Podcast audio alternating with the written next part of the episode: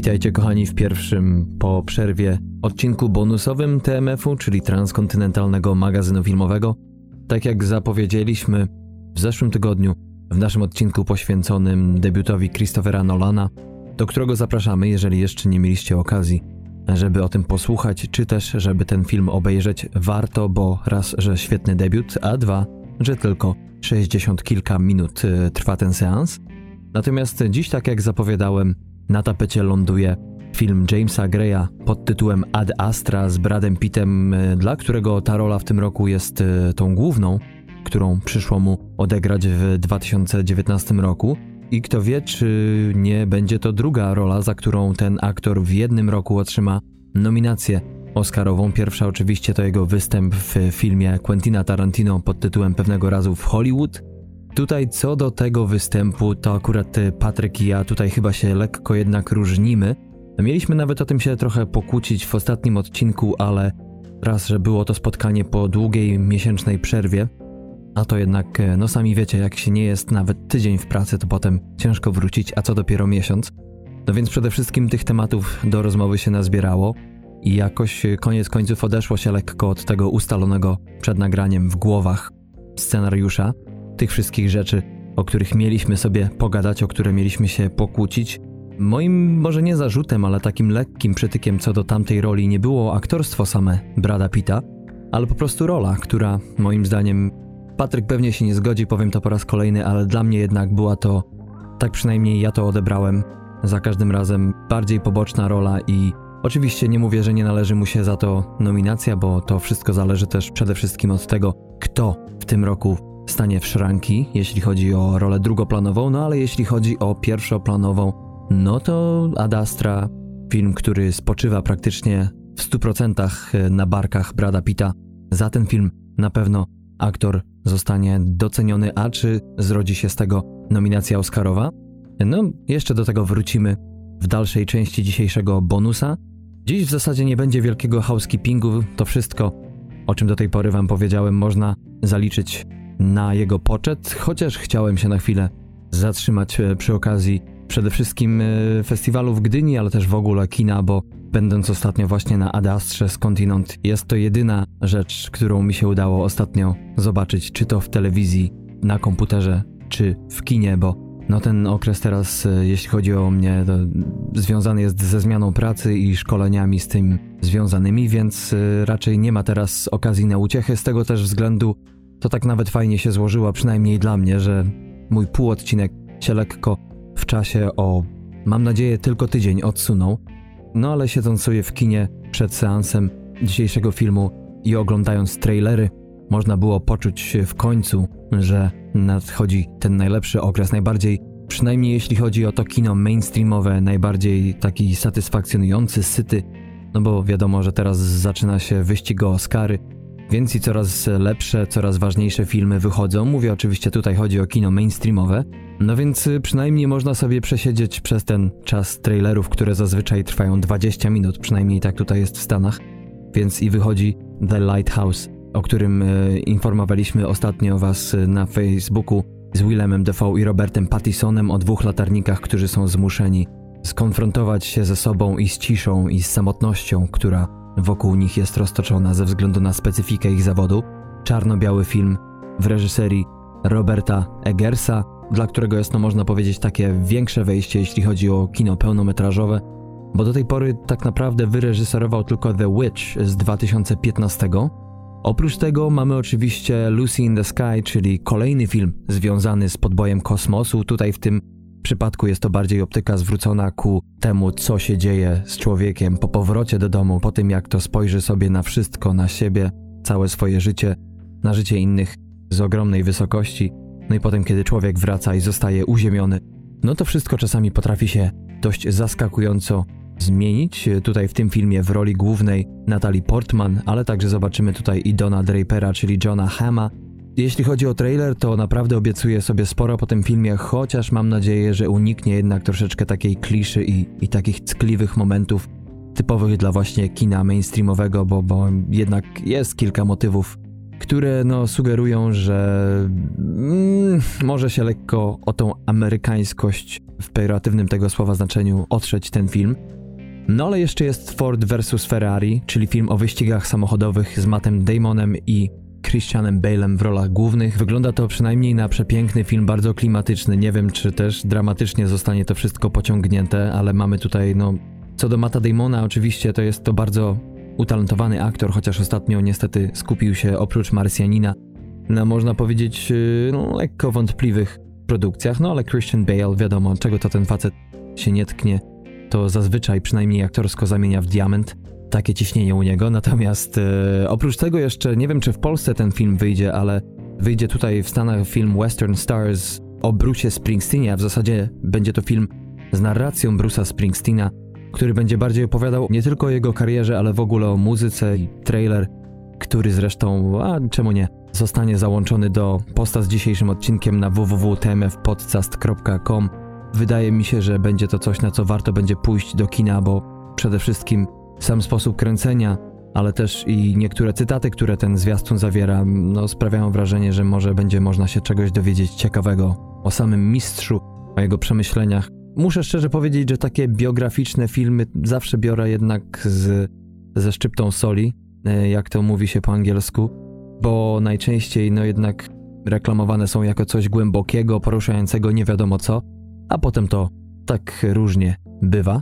No ale zobaczymy, no i na koniec jeszcze trzeba wspomnieć o filmie The True American, czyli o filmie Pablo Larraina z Markiem Ruffalo i Kumailem Nanjianim oraz Amy Adams w rolach głównych, który będzie opowiadał o oficerze służb powietrznych Bangladeszu, który starając się przedostać do Stanów Zjednoczonych zostaje zastrzelony przez amerykańskiego terrorystę, któremu zależy na zlikwidowaniu jak największej ilości muzułmanów a wszystko to związane jest e, z pożogą po September 11, czyli po ataku na wieżę World Trade Center.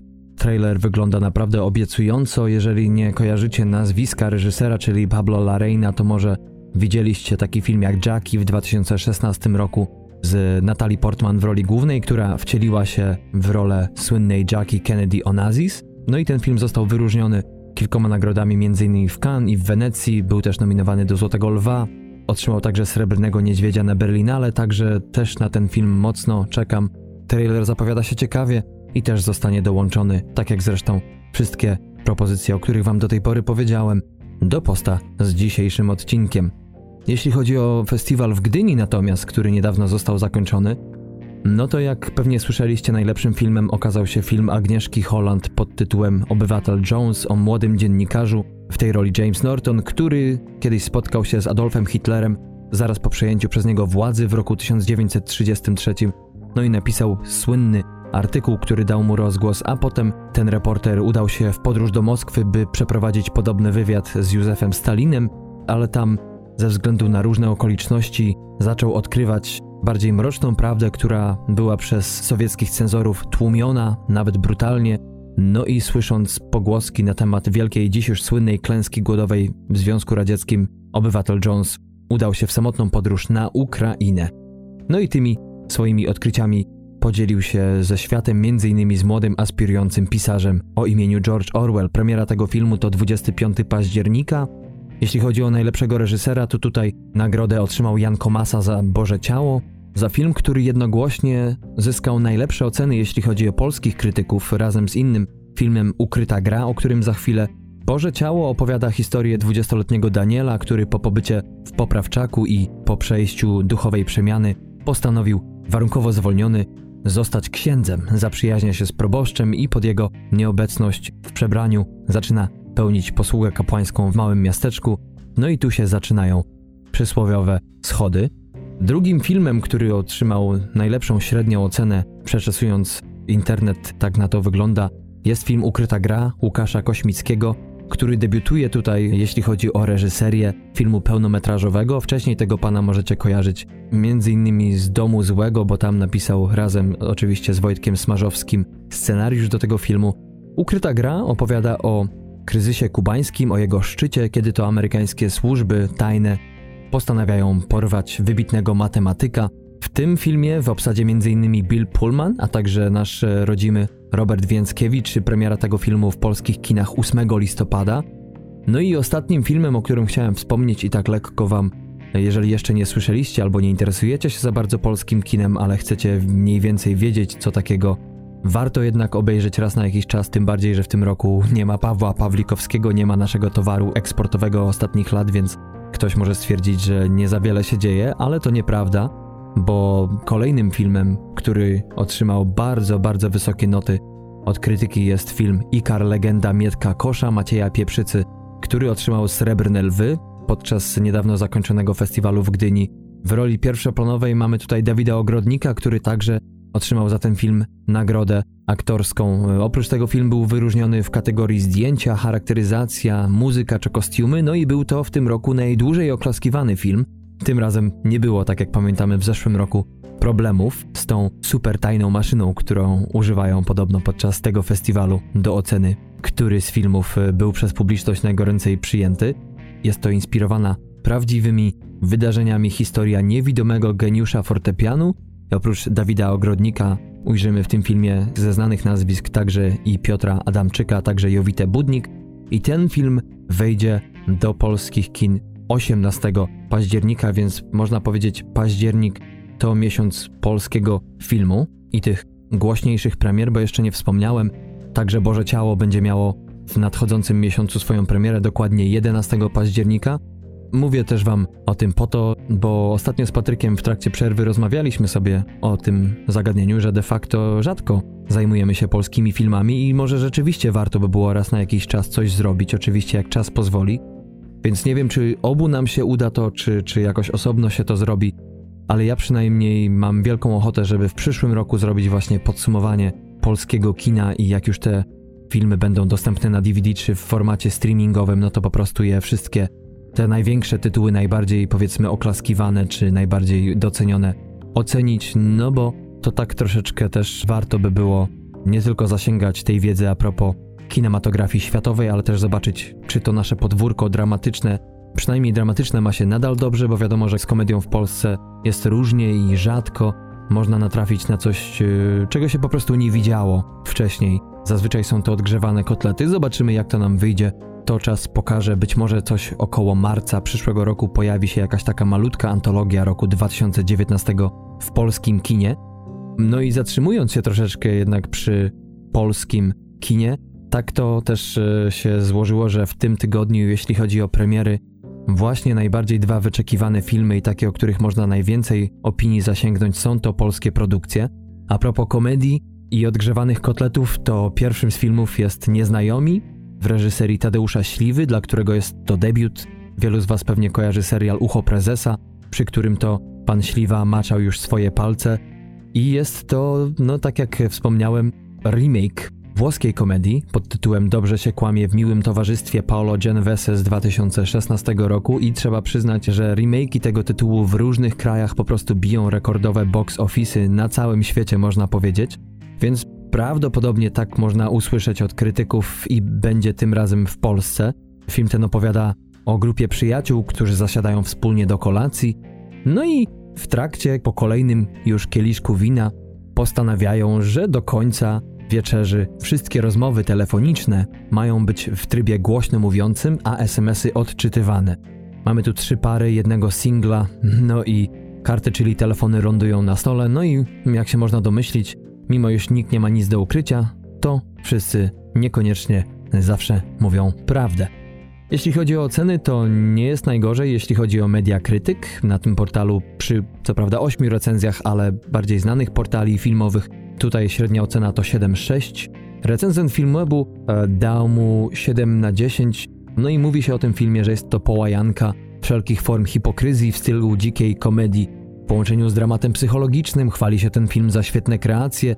Przede wszystkim mamy tutaj na myśli Kasię Smutniak czy Michała Żurawskiego, ale podobno prym wiedzie jednak wszędobylska Maja Ostaszewska. Oprócz tego w obsadzie mamy Tomasza Kota, Łukasza Simlata czy Aleksandrę Domańską, jeśli chodzi o dialogi, to mówi się, że zgrzytają często, tak samo jak co niektóre żarty, ale mimo wszystko podobno na ten trwający godzinę i 43 minuty film będzie warto się wybrać, bo w polskim filmie komedii jak na lekarstwo, dobrych komedii jak na lekarstwo, a ta chociaż nierodzima, no to jednak po naszemu. A jak nie na to, kochani, no to do kin wchodzi film, o którym niedawno było głośno z kilku powodów, ale przede wszystkim dlatego, że był napisany przez nieżyjącego już słynnego polskiego reżysera Andrzeja Żuławskiego, zmarłego w 2016 roku słynnego reżysera. No i ten film to Mowa Ptaków, którego scenariusz przekazany został jego synowi, czyli Ksaweremu Żuławskiemu, który to film wziął udział w konkursie głównym dopiero co zakończonego festiwalu w Gdyni, tam otrzymał nagrodę specjalną dla reżysera. Ksawery Żuławski, może kojarzycie go nie tylko z nazwiska, ale z twórczości, przede wszystkim za dwa jego filmy. Debiut w 2006 roku pod tytułem Chaos, za który to otrzymał właśnie nagrodę w Gdyni, a także za głośny film na podstawie książki Doroty Masłowskiej Wojna polsko-ruska. Akcja Mowy Ptaków opowiada historię Mariana, polonisty z liceum, który po wyrzuceniu z pracy musi ułożyć sobie życie, oraz historię jego kolegi, Ludwika, nauczyciela historii, który szuka sposobu na funkcjonowanie w swoim zawodzie. Tak pokrótce można określić ten film. Ciężko tak naprawdę mm, jest go opisać, co prawda nie widziałem go jeszcze, ale po trailerze jest to dość, no, czy chaotyczny obraz? Cóż, niektórzy mówią, że tak jak w trailerze, tak i w filmie za dużo jest tego narracyjnego chaosu, za którym stoi kompletny bajzel w głowie twórcy, ale też jest wielu recenzentów, którzy twierdzą, że jest to znakomity portret Polski i Polaków, cokolwiek to miałoby nie oznaczać. Jest to też film, który podzieli nas, rodaków, ze względu na nasze przekonania polityczne, czyli można powiedzieć, jest to taki motyw przewodni nie tylko festiwalu, który dopiero się skończył ze względu na to pewnie słyszeliście wiele różnych politycznych zawirowań wokół niego i przemów, no ale też w ogóle jeśli chodzi o naszą rzeczywistość. Mówi się, jeśli chodzi o relację ojca z synem twórców tego filmu, że ten film przypomina bardziej właśnie odczyt listu pożegnalnego. Jeden z recenzentów napisał, że uważa to za hołd Andrzejowi Żuławskiemu. I co prawda nie jest to hołd idealny, ale też nie jest on chybionym i w ogóle nie jest to jedyny temat, który jest poruszany w tym filmie. Drugi krytyk napisał, że na tle tegorocznych dokonań polskiego kina Pozostaje ten film czymś inspirującym i osobnym i nawet jeśli świergot żuławszczyzny w cudzysłowie, to dla nas tylko przebrzydłe krakanie w puszczy. Średnia ocena, jeśli chodzi o ten film, to 6,1 przy 13 recenzjach. Chcemy Was zachęcić, żeby pójść do kina w weekend, który zaczyna się w piątek 27 września. I to by było na tyle, kochani. Jeśli Chodzi o takie krótkie ogłoszenia parafialne, natomiast teraz zajmiemy się dziełem Jamesa Greya, o którym informowaliśmy Was już w ostatnim pełnym odcinku, bo to w zeszłym tygodniu, w piątek 20 września, ten film wszedł do polskich kin. No i do tej pory, oczywiście, większość portali, większość blogów, vlogów czy podcastów filmowych zdążyło już się wypowiedzieć na temat tego filmu, który polskich krytyków wydaje się dzielić w mniejszym stopniu, natomiast jeśli chodzi o recenzje, które można przeczytać w internetach, to jednak e, jest tutaj pewien rozstrzał a propos odebrania tego dzieła. Natomiast ja postanowiłem wtrącić e, swoje dwa lub nawet trzy grosze a propos tego filmu, bo moim zdaniem też sygnalizuje to jakiś ważny aspekt czy problem, jakkolwiek bądź to już zależy od naszej subiektywnej oceny, tego na jakie kino jesteśmy przygotowani bo rzeczywiście dzisiejszy obraz nie jest pozbawiony błędów. Tutaj y, z wieloma krytykami się zgodzę co do wielu rzeczy i o tym za chwilę, ale z drugiej strony też jest to film, który raz, że ma sens a propos dzisiejszego reżysera i o tym też za chwilę i tego, jak on widzi kino i jakie on kino tworzy i to kino rzeczywiście, co by o nim nie powiedzieć, jest kinem przemyślanym, jest kinem, które jest zrobione od A do Z w sposób bardzo metodyczny, o czym zresztą wypowiadał się też Brad Pitt y, w trakcie wywiadu, który chyba czytałem na portalu Onet. Chyba to naszemu rodzimemu portalowi ten wywiad został udzielony, w którym to oprócz wielu innych rzeczy opowiedział o tym, jak bardzo można powiedzieć estetyczna, szczegółowa praca została wykonana y, najpierw y, jeśli chodzi o scenariusz do tego filmu, a potem jeśli chodzi o realizację, bo tutaj rzeczywiście twórcy tego filmu, czyli zarówno Ethan Gross i James Gray, którzy są scenarzystami tego filmu, jak i Gray, który jest reżyserem, ale i Brad Pitt, który jest producentem tego dramatu, jak bardzo im zależało na tym, żeby dokładnie to miał oddać film, co mieli w głowach i że każdy fałszywy, nawet najmniejszy ruch mógł to zburzyć. Film opowiada, pewnie już wiecie, ale przypomnę dla tych, którzy być może nie mieli okazji posłuchać naszego ostatniego pełnego odcinka o niedalekiej przyszłości, w której to Roy McBride, grany przez Brada Pitta, wyrusza w podróż, by odnaleźć swojego ojca. ponieważ Clifford McBride w tej roli Tommy Lee Jones opuścił był Ziemię wiele lat przedtem, kiedy Roy miał zaledwie 16 lat, żeby wziąć udział w tzw. Tak Lima Project, który za zadanie miał dotrzeć do granic wszechświata w celu nawiązania kontaktu z pozaziemskimi istotami.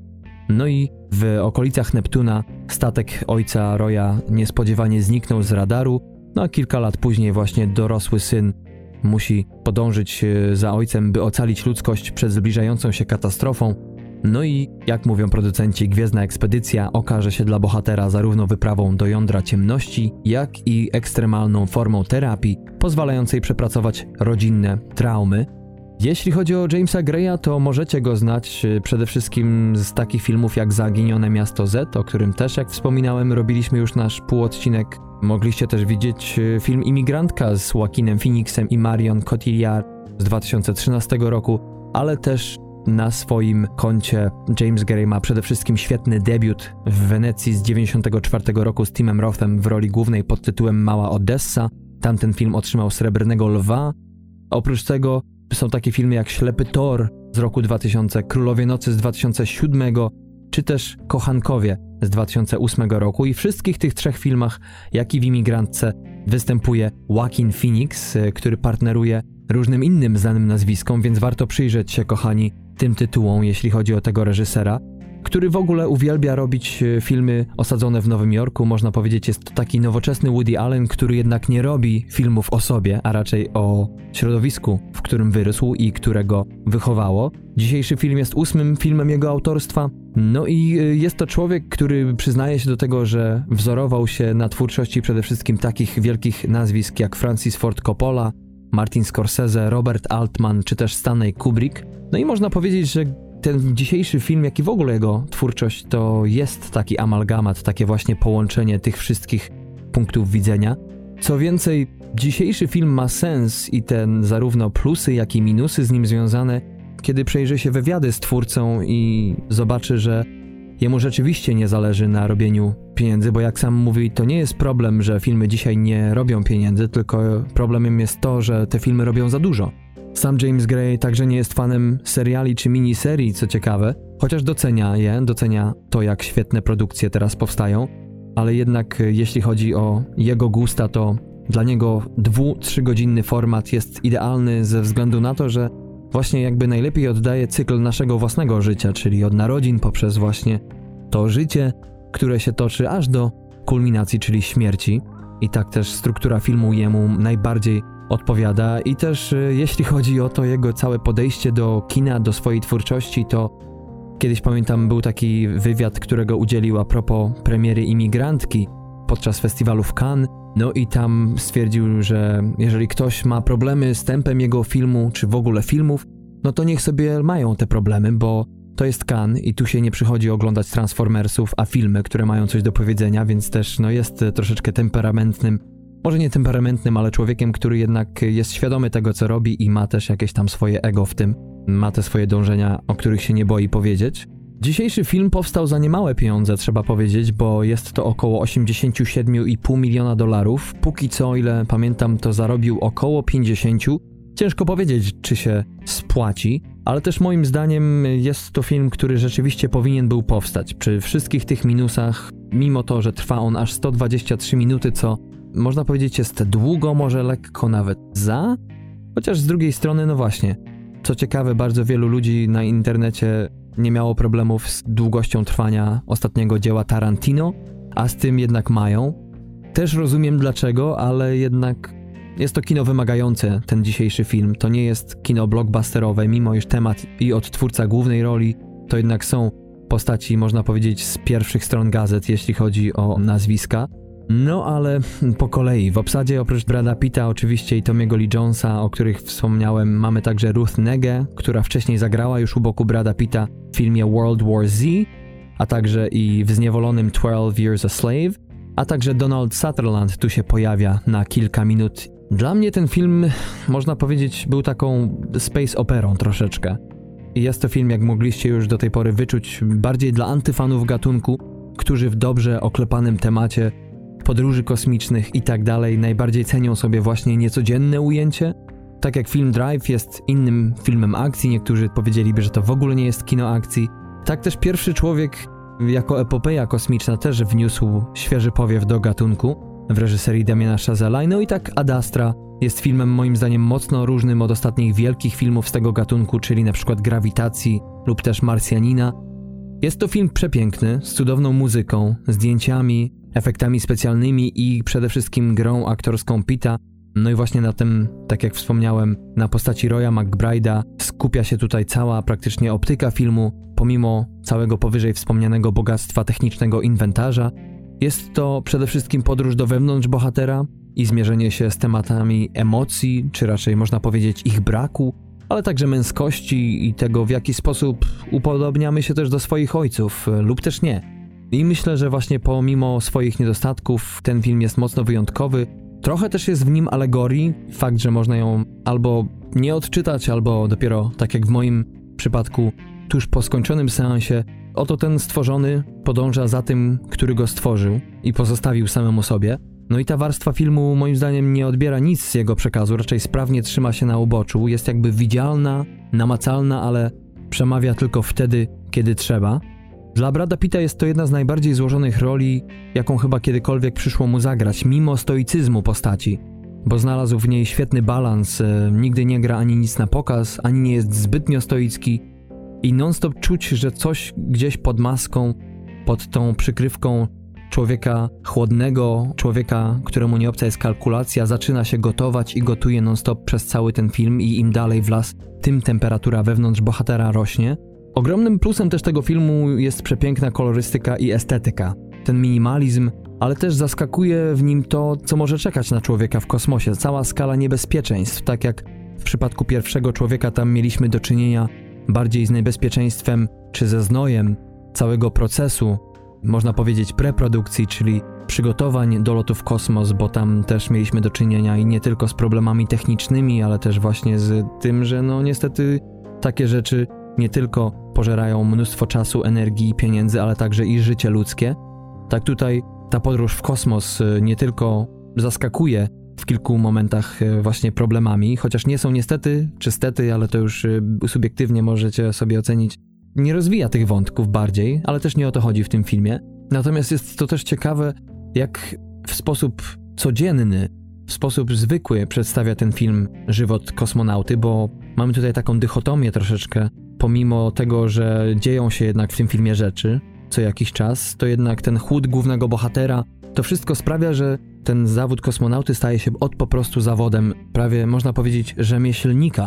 I być może dla wielu z Was będzie to właśnie minusem, że tu się nic nie dzieje jednak, że to jest no takie można powiedzieć rozwleczone, że no, gdzie tutaj przecież ten splendor, gdzie ta podniosłość, przecież ten człowiek odznacza się można powiedzieć prawie że nadludzkimi zdolnościami w pewnych aspektach, a tutaj jednak wszystko to tak się dzieje od, mimochodem. No ale dla mnie była to akurat wartość dodana i strasznie mi to zrobiło właśnie to takie lightowe potraktowanie tego tematu.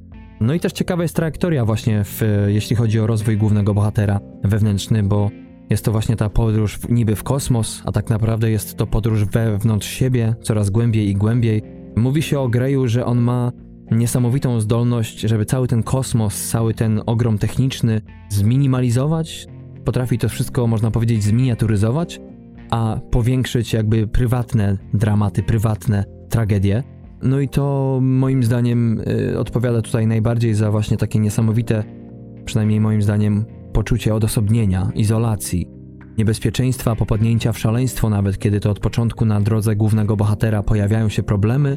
I to też jest ogromnym plusem tego filmu, że no do czasu oczywiście, bo potem już z tym jest, y, można powiedzieć, y, niekoniecznie, ale też nie będę za wiele zdradzał o co chodzi. Natomiast y, no, zastanawiałem się przez cały film, kiedy w końcu Royowi po prostu pęknie nie ta żyłka co trzeba i kiedy coś się w nim na dobre odklei. No i wszystkiemu temu towarzyszy niesamowita muzyka Maxa Richtera, przede wszystkim ambient, ale także pianino i też cisza, która jest bardzo, ale to bardzo sprawnie dozowana przez twórców dzisiejszego filmu. A jeśli chodzi o minusy, to rzeczywiście może być ich tutaj sporo. E, no przede wszystkim, nie wiem czy to są minusy dla mnie, dla mnie to są rzeczy, które po prostu sprawiają, że ten film czy jego odbiór staje się problematyczny i bardziej robi się, można powiedzieć, art house. jeśli chodzi o to kino, a nie typowe kino y, dramatyczne. Przede wszystkim, tak jak wspomniałem, emocjonalny chłód.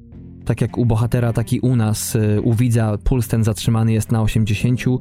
I mi się wydaje, że to jest też efektem mocno interesującego zabiegu, jaki zresztą już James Gray zastosował w swoim poprzednim dziele, czyli w zaginionym mieście Z, bo mamy tutaj niezwykłego człowieka o niezwykłych umiejętnościach, który zmaga się z wielkimi rzeczami, wyzwaniami, ale wszystko to jest właśnie takie jakby miękkie, wizualnie, niby głębokie, wręcz filozoficzne w warstwie muzycznej, ale wszystko to od tak przychodzi po prostu bohaterowi. Tak jakbyśmy my byli wrzuceni w jego, jak to po angielsku się mówi, buty i w jego roli po prostu tak jak on odczuwa to wszystko na spokojnie, przynajmniej tak się wydaje, tak my niby też, ale tak jak w nim się gotuje pod maską, tak i u nas moim zdaniem, czy u mnie w pewnym momencie też zaczęło się gotować, bo nie ukrywam, też były momenty w tym filmie, kiedy chciało się więcej zobaczyć czegoś, chciało się, żeby ta akcja przyspieszyła, ale cóż, ci, którzy znają mnie przynajmniej z moich półodcinków czy bonusów, to wiedzą, że ja też często zastanawiam się nad własnym odbiorem filmów, czy przynajmniej ja, już nie tylko jako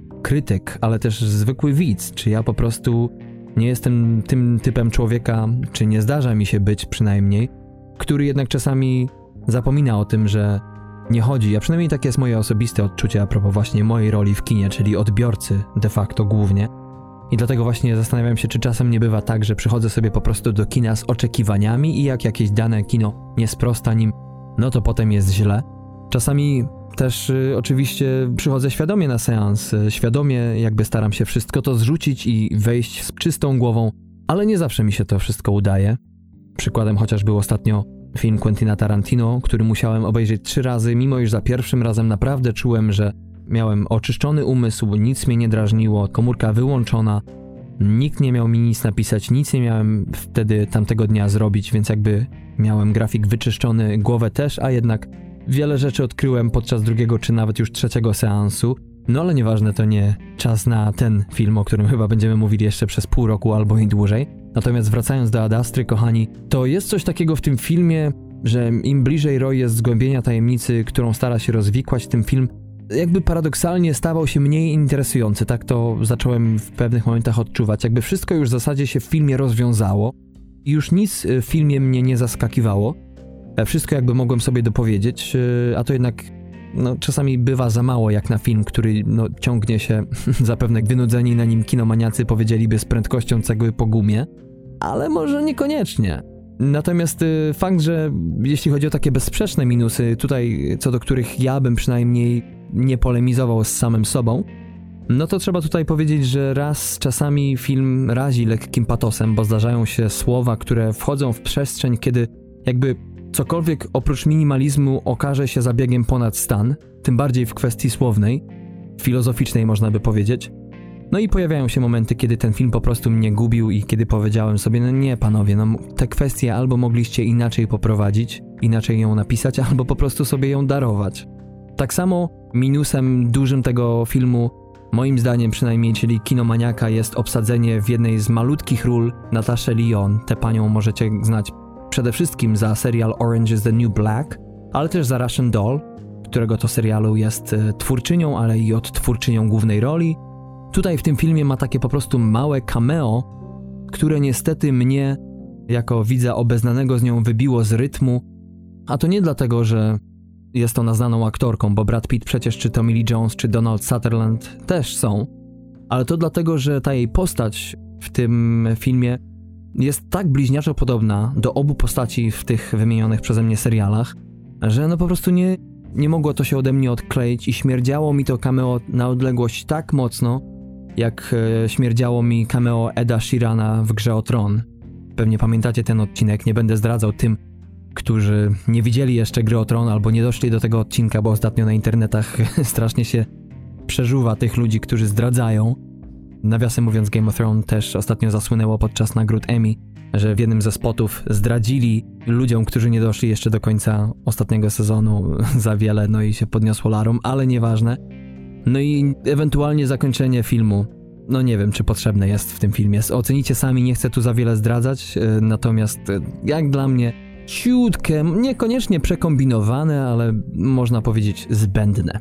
No ale to tyle, jeśli chodzi o plusy i minusy tego filmu. Jeśli chodzi o podsumowanie, to moim zdaniem, jeśli zamysłem twórców jest wczucie się przez nas, widzów, w psychikę bohatera i poczucie tego, jak to jest przyglądać się momentom podniosłym grozy, szczęścia czy tragedii z chłodem emanującym z głównego bohatera, to moim zdaniem rzeczywiście im się to udało.